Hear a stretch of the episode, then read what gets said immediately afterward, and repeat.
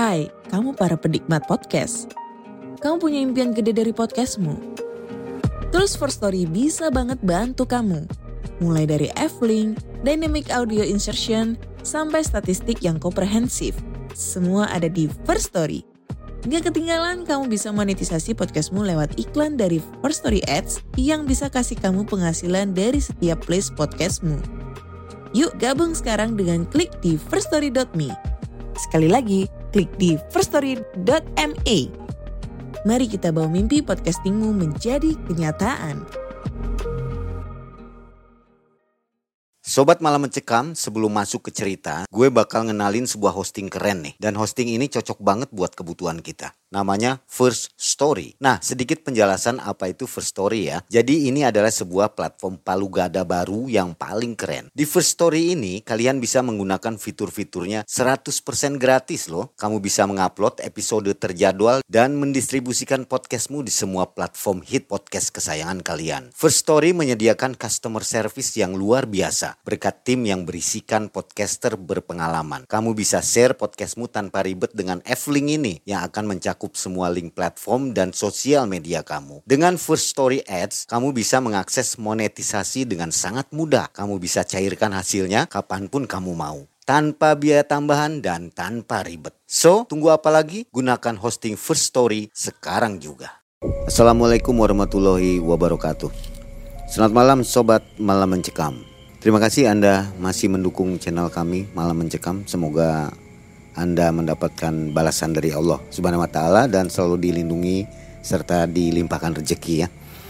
Sobat MM malam hari ini sebelum Anda tidur ada baiknya mendengarkan kisah dari Kang Idot. Kang Idot adalah seorang praktisi energi supranatural ya yang berkecimpung di dunia energi dan mengobati banyak orang menolong orang yang mendapatkan gangguan-gangguan seperti santet dan lainnya ya. Sampai bahkan dari luar negeri sudah banyak yang menghubungi Kang Idot. Wah, bukan promosi nih Kang Idot nih, bukan nih. Ini hanya sekedar info saja. Kang Idot, apa kesibukan sekarang? Masih di konten. Masih di konten ya. ya? Channelnya? Channelnya mengulas malam. Mengulas malam. Uploadnya setiap hari apa? Setiap ya seminggu dua kali sementara. Seminggu dua kali ya. Nah, sobat MM jangan lupa untuk menonton kisah-kisah Kang Idot dan Kibayan di channel Mengulas Malam yang upload seminggu dua kali. Di sana akan banyak Anda ketahui tentang sepak terjang dari Kang Idot ya. Nah, hari ini Kang Idot akan bercerita kepada kita tentang pengalaman pengobatan yang diminta oleh salah satu subscriber malam mencekam di tahun ini. Jadi subscriber kita namanya siapa? Samarkan aja lah. Namanya saya samarin namanya Winda. Nah, Winda ini mengalami gangguan goib ya. Iya. Akibat bekas dari ibunya ya, yang melakukan pesugihan di Alas Roban pesugihan apa namanya? Buto Ijo. Buto Ijo. Nah, ini kisahnya sangat menarik sekali. Mudah-mudahan menjadi pembelajaran untuk kita semua. Yang katanya sampai diperkosa oleh 10 jin setiap hari. Itu betul? Iya. Selama 10 tahun. Selama 10 tahun. Luar biasa ya. Baiklah, kita akan ke Kang Idot dan langsung mendengarkan kisahnya. Jangan skip sampai habis dan baru komentar. Oke? Silakan Kang Idot.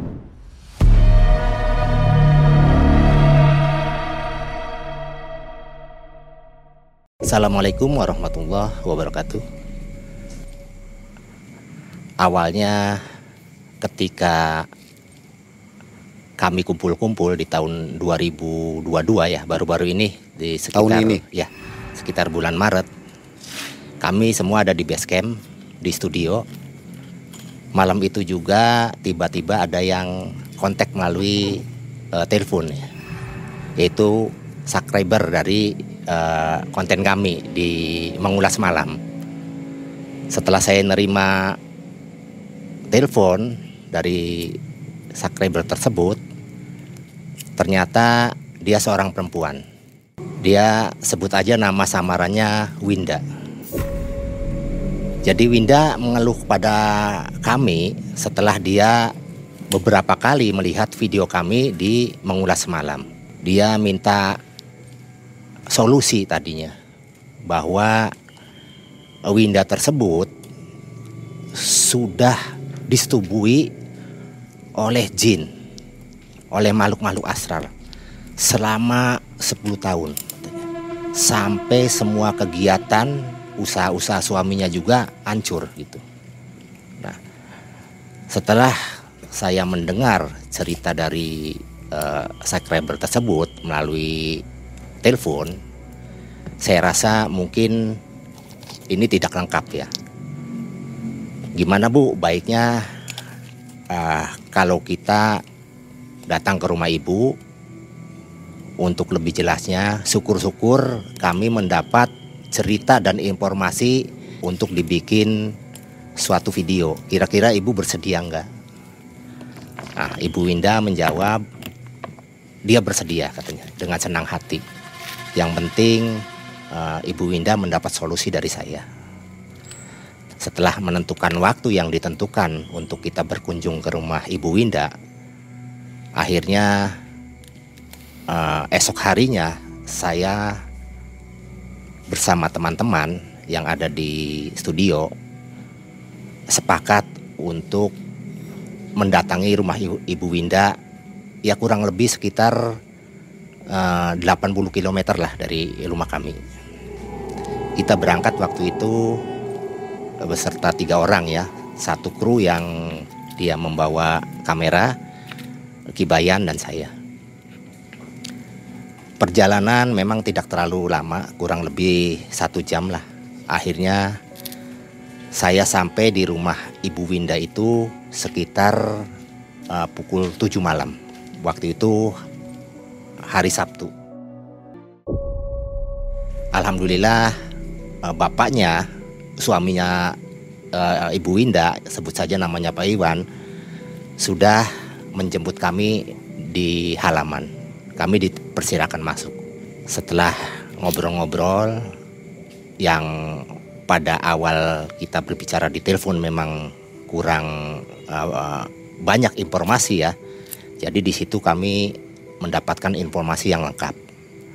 Nah, akhirnya Ibu Winda bercerita kepada kami mengenai penyebab daripada disetubuhinya Ibu Winda oleh makhluk halus ini selama 10 tahun. Bahkan secara ringkas Ibu Winda juga sudah mengadakan pengobatan puluhan kiai dan puluhan paranormal. Dan hasilnya semuanya sangat mengecewakan. Akhirnya Ibu Winda bercerita kepada kami supaya saya juga mengetahui kronologi yang jelasnya. Ibu Winda menceritakan dari awal mulanya kenapa dia diperkosa oleh makhluk-makhluk astral tersebut. Ketika Winda masih usia di sekitar 15 eh, tahun, waktu itu masih SMP, dan Winda juga punya adik namanya Wati, dia dibawa ibunya untuk pergi ke salah satu tempat yang memang suaminya tidak tahu. Nah, karena mungkin ibunya uh, Winda ini sebagai alasan membawa anaknya untuk dia berpergian sampai bermalam. Jadi supaya suaminya tidak curiga. Akhirnya berangkatlah uh, Winda, Wati, adiknya dengan ibunya ke salah satu tempat diperkirakan di sekitar Alas Roban.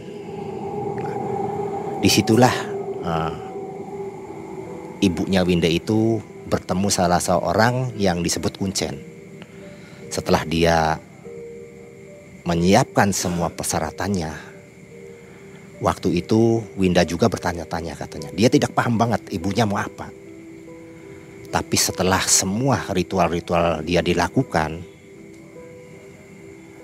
selang uh, beberapa bulan setelah ritual itu selesai, ternyata perubahan dari ekonomi keluarganya orang tuanya Winda ini sangat drastis. yang tadinya biasa-biasa sekarang tumbuh usahanya. Bahkan secara cepat sekali, hanya beberapa tahun dia sudah memiliki gudang. Nah, kebetulan di sini orang tua Winda itu dia usahanya barang kelontong. Termasuk juga ada uh, gula, beras dan semua kebutuhan-kebutuhan sehari-hari. Sampai-sampai bapak dan ibunya Winda ini mempunyai gudang yang besar.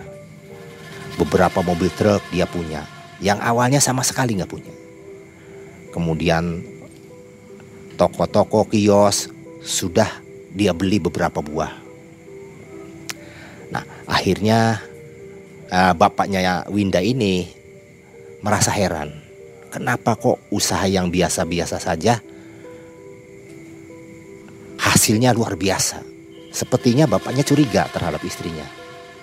Nah, kebetulan kata Winda, ibunya itu uh, dalam mengadakan pesugihan dia sembunyi-sembunyi, tidak sepengetahuan suaminya. Nah, di situlah Winda dan adiknya merasa mengalami suatu kejayaan yang tadinya memang uh, keluarga sederhana, sekarang semua sudah masing-masing mempunyai motor, walaupun usianya masih sangat belia. Singkat cerita, setelah uh, Winda usia 20 tahun, lima tahun berarti berjalan penyupangan tersebut, itu bibinya, adiknya, ibunya Winda meninggal. Nah ini desas-desus dari warga setempat, katanya terkena wadal dari pesugihan. Memang cerita-cerita masyarakat di situ sudah mulai mengarah kepada ibunya Winda. Sampai suaminya merasa curiga. Namun kembali, ibu Winda, ibunya Winda selalu mengelak. Dan yang tragisnya, suaminya ibu Winda jatuh sakit. Akhirnya juga meninggal. Nah, selang kemudian ibunya Winda yang melakukan pesugihannya juga akhirnya meninggal.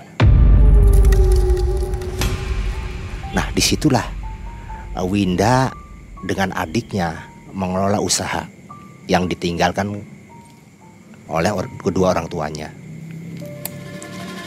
Nah, usaha yang dilakukan oleh uh, Winda dan Wati ternyata tidak seberhasil yang dilakukan oleh kedua orang tuanya perlahan-lahan usahanya mulai ambruk. Nah di situ Winda menjelang remaja, kebetulan dia berkenalan dengan salah satu pemuda desanya, uh, sebut aja namanya Yanto. Si Yanto itu sebetulnya anak kepala desa. Dia sangat menyukai sekali Winda. Nah, hubungan dia sudah berjalan satu tahun.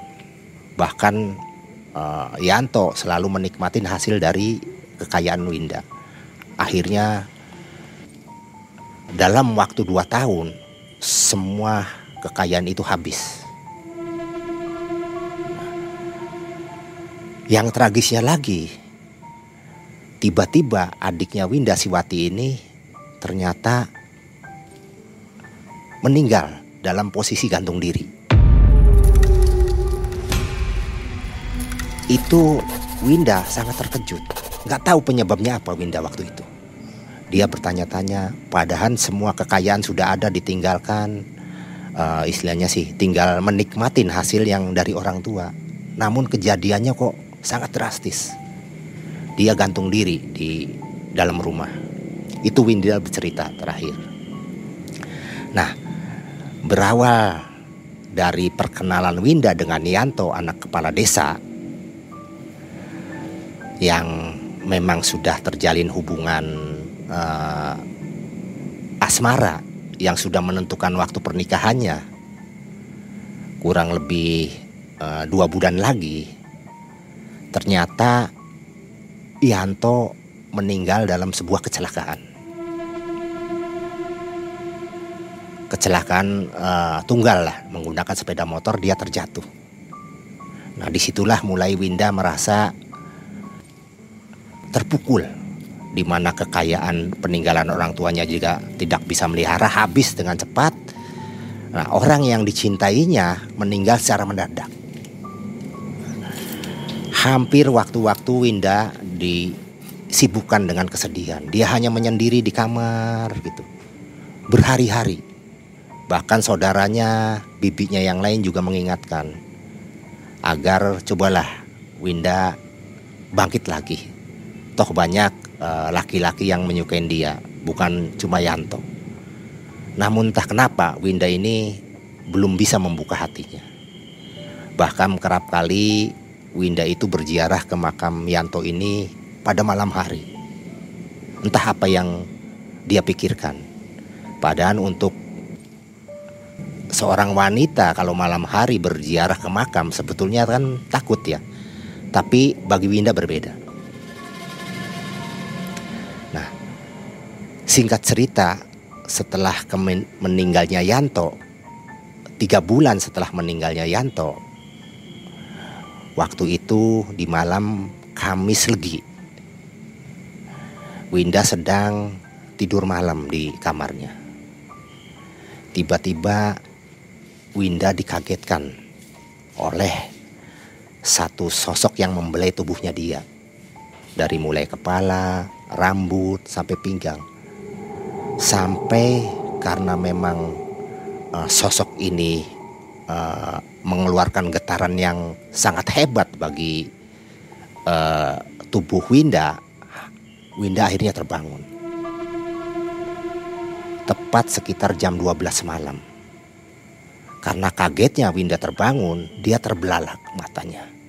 Melihat sosok di depannya itu tunangannya, yaitu Yanto. Ada perasaan takut, terkejut melihat kok Yanto sudah tiga bulan meninggal, kok hadir di kamar saya. Tapi karena memang kerinduan dia yang selama ini belum terobati, ya terpaksa dia tidak mau tahu maka di situlah terjadi awal hubungan intim antara sosok yang menyerupai Yanto dengan Winda. Bahkan Winda menutup mata, entah itu siapalah. Yang penting hatinya uh, ter yang beban yang penuh duka ini terlampiaskan. Nah di situlah awal pertama Winda mengadakan hubungan dengan sosok yang menyerupai Yanto. Dari hari ke hari, dari minggu ke minggu, ternyata sosok tersebut hadir. Waktu itu Winda belum respon. Masih pikirannya penuh dengan sensasi, dengan kerinduan terhadap uh, tunangannya yang meninggal. Maka dia menerima apa adanya. Namun dari tahun ke tahun, tubuh Winda itu semakin kurus Nah itu dirasakan oleh saudaranya. Kebetulan bibi dari ibunya masih ada sebelah sebelah rumahnya. Dia mengamatin uh, posisi Winda ini sangat aneh. Akhirnya karena merasa uh, bibinya juga bertanggung jawab, akhirnya Winda ditemukan oleh se, dipertemukan oleh seorang ustadz yang kebetulan masih saudaranya dari suami bibinya. Ketika Ustadz tersebut, sebut saja namanya Ustadz Wibowo ya, hadir di rumah bibinya dan bertemu dengan Winda, Ustadz tersebut kaget. Karena sebetulnya Ustadz tersebut mempunyai eh, sisi-sisi uh, spiritual. Terjadilah benturan. Sampai-sampai Ustadz tersebut melihat uh, mata Winda yang penuh dengan kekuatan gelap. Dia menyarankan agar Winda cepat ditanganin. Karena apa? Ustadz Wibowo sudah mendeteksi mungkin dia tidak sanggup. Akhirnya apa? Setelah menyarankan ke bibinya, Winda awalnya merasa bahwa dirinya uh, sudah menemukan sisi-sisi kenyamanannya dengan Yanto tersebut. Tapi sebetulnya menurut Ustadz Wibowo bahwa yang menyerupai Yanto itu bukanlah sosok Yanto. Ternyata itu adalah buta ijo. Jadi sesuatu makhluk yang dulu pernah dipelihara oleh ibunya Winda dari hasil pesugihan. Nah, barulah setelah mengetahui hal tersebut, Winda merasa takut, merasa menyesal. Ya bagaimanapun uh, akal dia juga bergerak. Usia sudah semakin uh, banyak. Bagaimana dia mencari pasangan? Karena uh, sosok buta ijo yang menyerupai Nianto ini selalu menggagalkan orang-orang yang mau dekat dengan Winda. Nah, di mana kemudian Winda mulai tersadarkan diri bahwa sosok Yanto itu bukanlah uh, sosok Yanto yang sesungguhnya, maka Winda dengan bibinya mulai ikhtiar. Bahkan karena seringnya persetubuhan tersebut dengan makhluk uh, buta hijau tersebut, akhirnya untuk berikut-berikutnya bukan lagi persetubuhan yang nyaman, tapi menjadi suatu pemerkosaan di mana Winda sedang tidur, maka makhluk buta hijau itu langsung menindihin. Dan jelas itu membawa dampak psikis dan fisik. Pada saat itu juga di mana itu disetubuhin oleh makhluk tersebut, maka Winda itu sakit selama seminggu. Alat vitalnya. Nah, di situlah Winda mulai sadar bahwa dirinya ini sudah salah dalam menilai sosok-sosok orang yang menyerupai Yanto tersebut.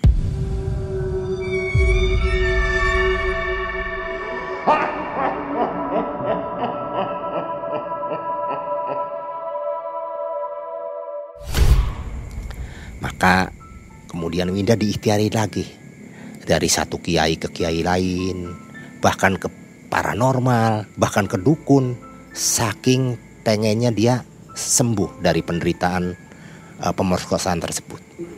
Namun yang jadi fatal di mana dia kemudian diobatin oleh seseorang yang memang mempunyai kodam bukan satu lagi yang sekarang yang memperkosa. Bahkan kodam-kodam yang tadinya untuk menaklukkan buta hijau tersebut itu dikalahkan oleh buta hijau. Bahkan diberikan untuk menikmati tubuh Winda. Dari mulai dua makhluk, tiga makhluk, empat makhluk bahkan sempat dalam satu malam itu dia disetubuin langsung sepuluh makhluk halus hingga dia sakit selama satu minggu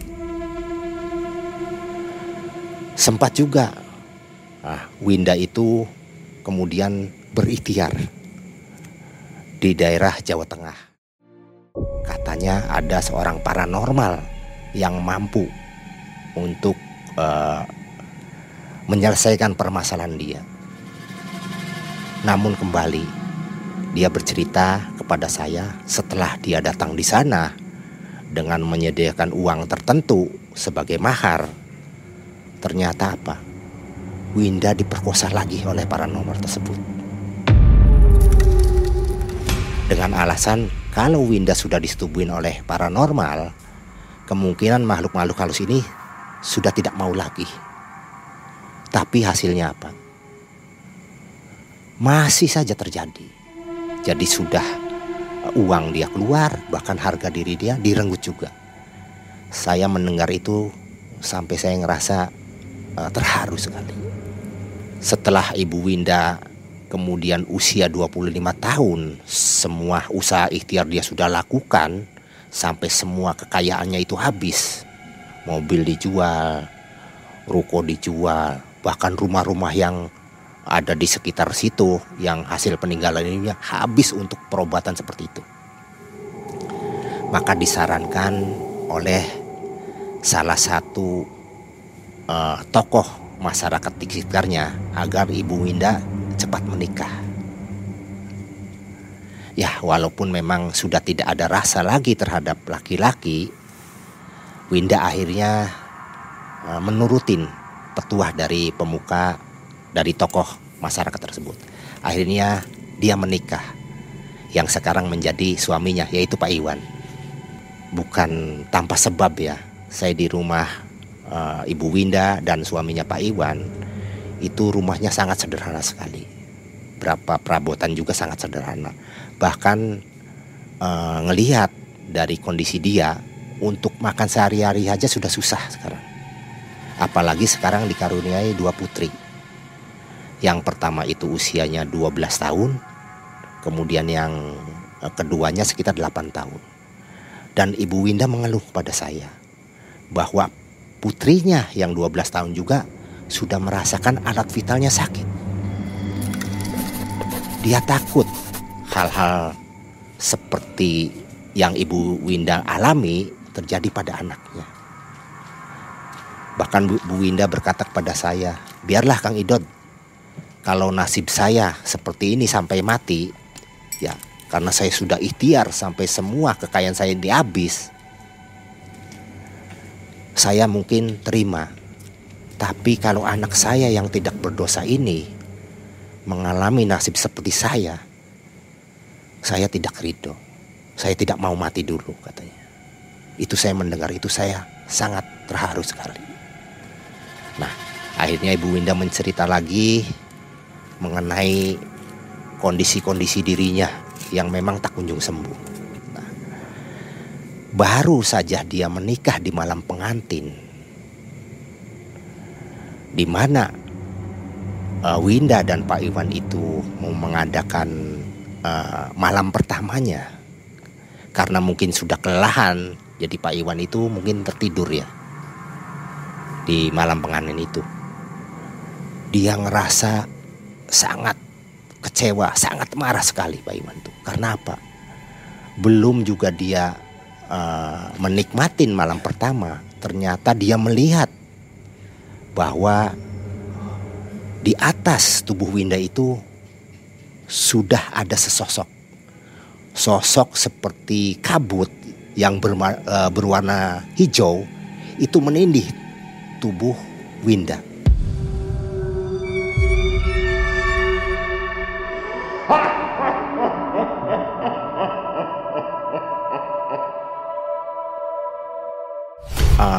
Mas Iwan berontak sebetulnya.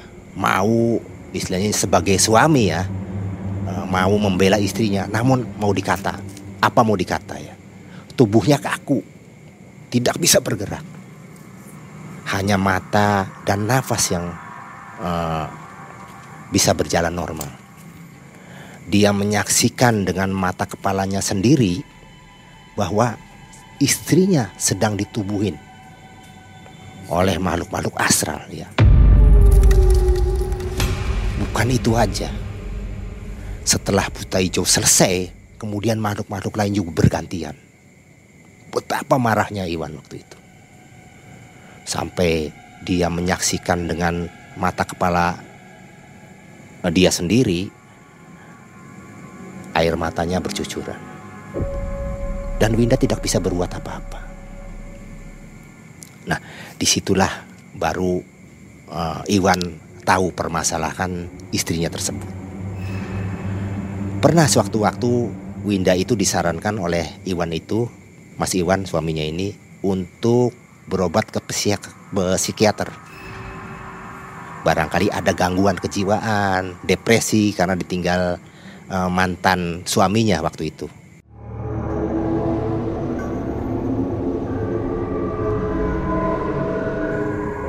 Ternyata mungkin uh, penilaian dari uh, psikiater kan berbeda. Tapi setelah suaminya menyaksikan kondisi-kondisi secara langsung pada saat Winda diperkosa, baru dia menyadari bahwa istrinya ini bukanlah uh, kejiwaan, tapi dia betul menyaksikan dengan uh, mata dan kepalanya sendiri. Itulah di mana akhirnya Winda bertemu dengan kami setelah dia menyaksikan Eh, video-video kami di uh, mengulas malam dan kebetulan alhamdulillah saya juga merasa dan teman-teman itu ada waktu saya juga sempat bersyukur bertemu dengan Ibu Winda.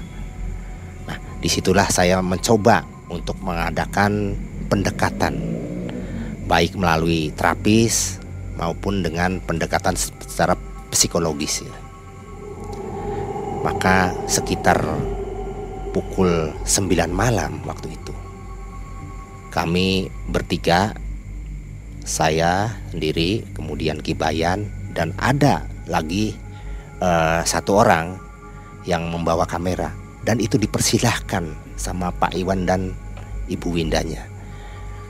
Yang anehnya ketika kamera kita buka, kita membuka kamera uh, di tempat lokasi di kamarnya Ibu Winda, di uh, kamar dapur, itu semuanya blank. Tidak ada gambar sama sekali. Jadi apa yang mau dikata kembali uh, kembali kita ulang barangkali ada yang error uh, dari kamera yang kita bawa ini. Ternyata semua baik-baik saja. Kita ulangin lagi ternyata blank. Semuanya uh, hanya gelap. Ya sudah akhirnya memang mungkin uh, belum jodohnya lah barangkali ini tidak mau diliput. Akhirnya kami coba mengadakan terapi terhadap uh, Ibu Linda dan saya juga sarankan kepada anaknya yang masih 12 tahun ini. Ini kasihan sekali. Nah, waktu itu juga Ibu Linda sepertinya kejang-kejang. Dia merespon seperti ada sesuatu yang bukan dirinya lagi. Namun kita bertiga sempat mengantisipasi lah. Setelah semuanya selesai, kemudian beberapa lokasi kita juga tabur dengan uh, cairan yang sudah disiapin yaitu air garam dan beberapa uh, daun-daunan saya secara sepintas ya melihat sosok-sosok yang pernah digambarkan oleh Ibu Winda ini. Pertama, sejenis kabut yang ada di sisi ruangan Ibu Winda ini bentuknya wah, cukup besar. Cuma seperti tidak nyata. Bentuknya seperti kabut membentuk sosok uh, seseorang, tapi itu berwarna hijau. Dia keluar seperti cepat sekali keluar dari rumah itu. Hebat. Kemudian dilanjut oleh sosok-sosok lain. Nah, alhamdulillah pikir saya untuk sementara ini kemungkinan hal-hal yang memang menimpa Ibu Winda ini uh, bisa diantisipasi. Setelah itu hampir kurang lebih penanganan secara uh, terapi ini memakan waktu cukup lumayan karena kita juga terpengaruh waktu itu karena betapa uh, ruwetnya kondisi uh, waktu itu di rumahnya Ibu Winda ini. Jadi bapaknya juga sudah terkena pengaruh sesuatu yang negatif, apalagi Ibu Windanya anak-anaknya juga sekitar rumahnya sudah penuh semua. Nah, akhirnya setelah semua ritual selesai, kurang lebih setengah 12, kami pamit. Nah, kami pulang, alhamdulillah kejadian di jalan eh, lancar-lancar saja, tidak ada apa-apa. Singkat cerita, setelah lima hari berlalu, coba saya kontak lagi Ibu Winda, bagaimana perkembangannya. Setelah saya kontak, Ibu Winda menjawab bahwa Kang Idod, Alhamdulillah saya sudah lima hari tidak disetubuhin dan kondisi-kondisi anak normal. Nah, kemudian uh, minggu kedua saya kontak lagi, ternyata Ibu Winda tidak mengangkat. Entah pikir saya mungkin sibuk, mungkin dalam keadaan uh, ada sesuatu yang nggak sempat untuk uh, ngangkat telepon saya. Tapi alhamdulillah besok harinya dia kontak kepada saya. Kang Idon, maaf ya. Saya kebetulan ada yang menawarkan pengobatan Nah kebetulan itu dulu pernah saya dibawa oleh uh, yang bersangkutan. Kebetulan yang bersangkutan itu orang kaya, orang kaya dari Surabaya. Dia juga mungkin menyuratin uh, orang tersebut. Pernah juga ditanganin sama yang bersangkutan hingga dibawa ke Solo dan hasilnya hanya satu minggu katanya sih sembuh kemudian terjadi lagi hal seperti itu. Nah ini yang kedua kalinya dia datang juga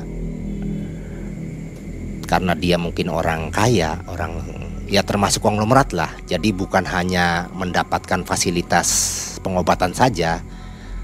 Uh, Ibu Indah bicara saya juga mendapatkan sejumlah uang untuk kehidupan dia. Mungkin dia sangat uh, dermawan lah.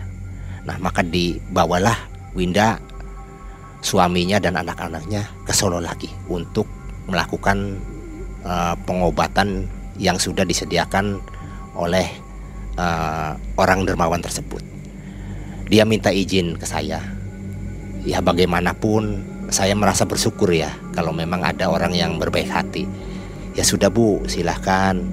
Mungkin kalau itu baik buat ibu, apalagi dari sisi ekonomi, dari sisi uh, spiritual, pengobatan adalah semua. Saya cuma bisa berdoa di sini. Nah, setelah uh, singkat waktu, kurang lebih satu minggu dari Solo dia pulang, ternyata malamnya disetubuhin lagi. Karena apa? Ibu Wanda kontak saya lagi. Kang Idon, awalnya bagus ya setelah saya dari Solo, kok makhluk itu datang lagi Kang Idon? Saya juga nggak habis pikir. Kok bisa bandelnya makhluk-makhluk tersebut? Apa bisa jadi benteng-benteng saya yang uh, tadinya sudah uh, rapat dalam tubuh Winda dan keluarganya bisa jadi terpecah oleh pengobatan orang-orang berikutnya. Tapi walau alam kembali dia terjadi pemerkosaan lagi. Bahkan satu malam bisa empat makhluk. Luar biasa. Akhirnya saya datang lagi ke sana. Coba uh, waktu itu saya juga belum punya pola bagaimana ini sebetulnya uh, penanganan secara idealnya. Saya coba terapi lagi seperti awal. Namun kali ini sepertinya kekuatannya berbeda dengan awal yang saya tangani. Jadi mungkin makhluk penyupangan pesugihan ini ini berbeda dengan makhluk-makhluk uh, astral pada umumnya. Di mana makhluk-makhluk uh, yang hodam pada umumnya yang dimiliki oleh eh, orang-orang uh, tertentu dia menanganin seseorang yang mempunyai makhluk dari pesugihan Maha, maka makhluk kodam itu ditaklukkan oleh makhluk-makhluk pesugihan tersebut. Bahkan yaitu bisa jadi makhluk-makhluk kodam tersebut yang diberikan bagian untuk menikmatin tubuh Winda. Jadi bukan lagi dia bisa menanganin untuk ada perubahan dari masalah Ibu Winda, bahkan dampaknya lebih berat. Karena makhluk itu kalah dengan sosok-sosok dari uh, makhluk pesugihan tersebut. Nah, akhirnya saya untuk kedua kalinya coba menanganin semampu saya. Seperti biasa saya datang tiga orang, coba juga untuk uh, meliput ya. Namun kembali hasilnya seperti seperti pada saat awal pertama kita menangani yaitu blank. Gelap. Nah di situ kami coba eh, bentuk-bentuk terapi yang lain. Betul juga. Histeris Winda. Dia tidak tahan tidak bisa mengendalikan dirinya matanya ke atas oh tangannya juga ke mana-mana seperti mau mencakar luar biasa itu hampir kejadian itu kurang lebih satu jam dengan bahasa-bahasa yang saya tidak dimengerti. muncul bahasa-bahasa dalam uh, suara Ibu Winda tersebut. Saya tidak paham bahasanya. Setelah kami juga dengan bersusah payah karena memang letih sekali penanganan hal-hal seperti itu. Akhirnya untuk kedua kalinya kami selesai menangani tersebut dan kami pulang kembali ke rumah. Nah, kembali uh, satu minggu kemudian, memang tidak terjadi ada pemerkosaan lagi. Namun lagi-lagi Ibu Winda itu ada yang menawarkan pengobatan lagi. Dia ikut, dia menerima. Padahal uh, cara pengobatannya mungkin Ibu Winda tidak paham. Nah di situlah di saat Ibu Winda ditanganin oleh orang-orang lain, maka saya baru tahu bahwa benteng-benteng saya, energi saya yang tadinya bersemayam di tubuh Bu Winda itu sebenarnya sudah dihancurkan sendiri dari jiwa Windanya, dari jiwa Ibu Windanya. Dia sendiri yang membobol dari dalam. Nah, itulah yang untuk kedua kalinya selama satu minggu uh, tidak ada lagi hal-hal yang memang membuat Ibu Winda itu disetubuhin. Setelah ditanganin yang kedua kali, tiga hari kemudian terjadi lagi persetubuhan lagi. Akhirnya Ibu Winda ngontek saya lagi. Mungkin karena Ibu Winda itu merasa nggak enak.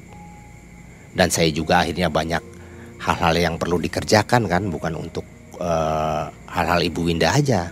Masih banyak yang harus saya kerjakan. Jadi tidak mungkin saya harus bulak balik dua atau tiga hari ke rumah Bu Winda. Nah di situlah setelah saya kontak lagi ke rumah Bu Winda. Nah Bu Winda itu tidak pernah ngangkat lagi telepon saya. Dan akhirnya wablu alam sampai sekarang kondisinya Beberapa kali saya coba kontak lagi, barangkali merespon. Dua tiga kali saya uh, kontak, dia juga tidak menjawab. Nah mungkin merasa mungkin Bu Winda nggak enak kepada diri saya, apa gimana saya tidak tahu ya. Pengalaman yang uh, barusan sekitar di bulan Maret 2022 itu dari sekreber kami yang sempat ngontek kami dan kami juga sempat menanganin kondisinya seperti itu. Apa penjelasan Kang Igdot kalau memang gangguan goib itu bisa jadi warisan ya, turun temurun? Jadi sepertinya begini, uh, Kang E. Sisi-sisi dari Ibu Winda itu seperti pesugihan.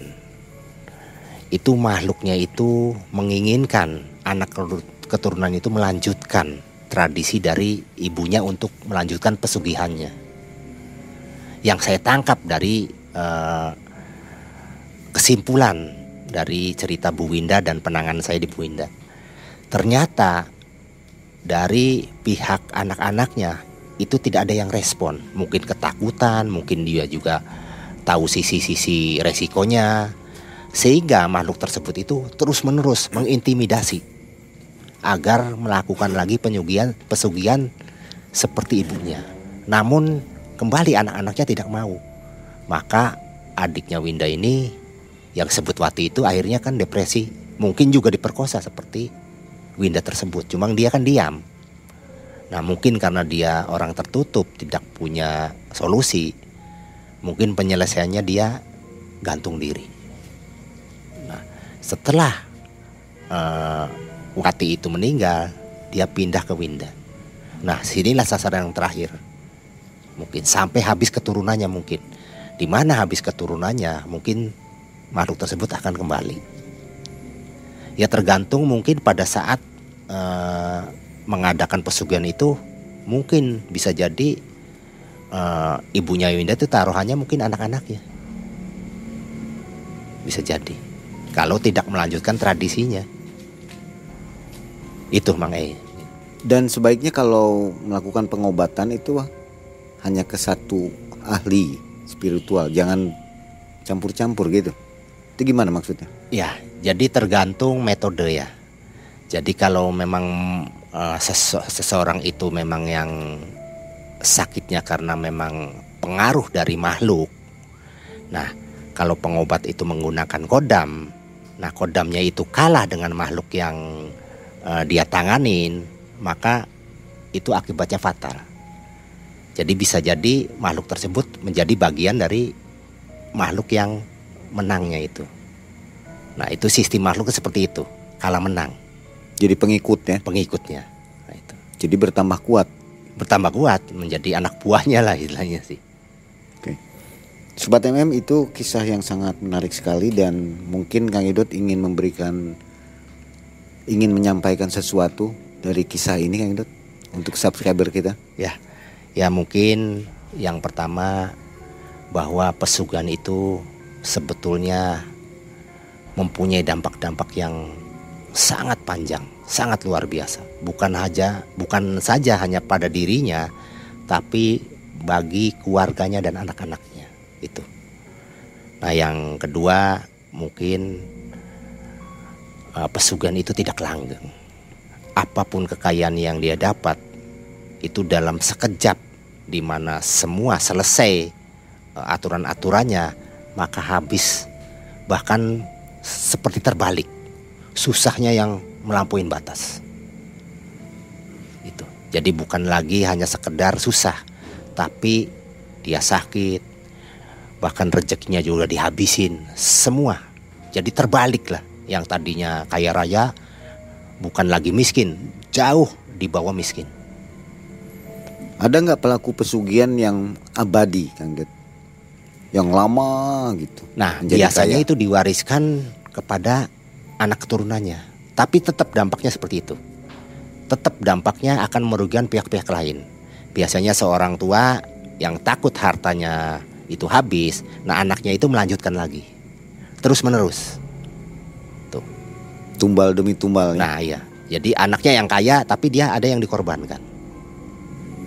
Oke baik. Nah sobat MM itulah kisah nyata dari Kang Idot yang mengobati atau menolong pasien dari subscriber mengulas malam ya.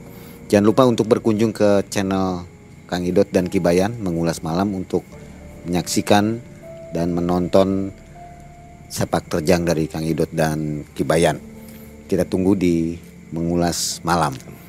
Saya Mang dan tim akhirnya undur diri. Terima kasih atas perhatiannya.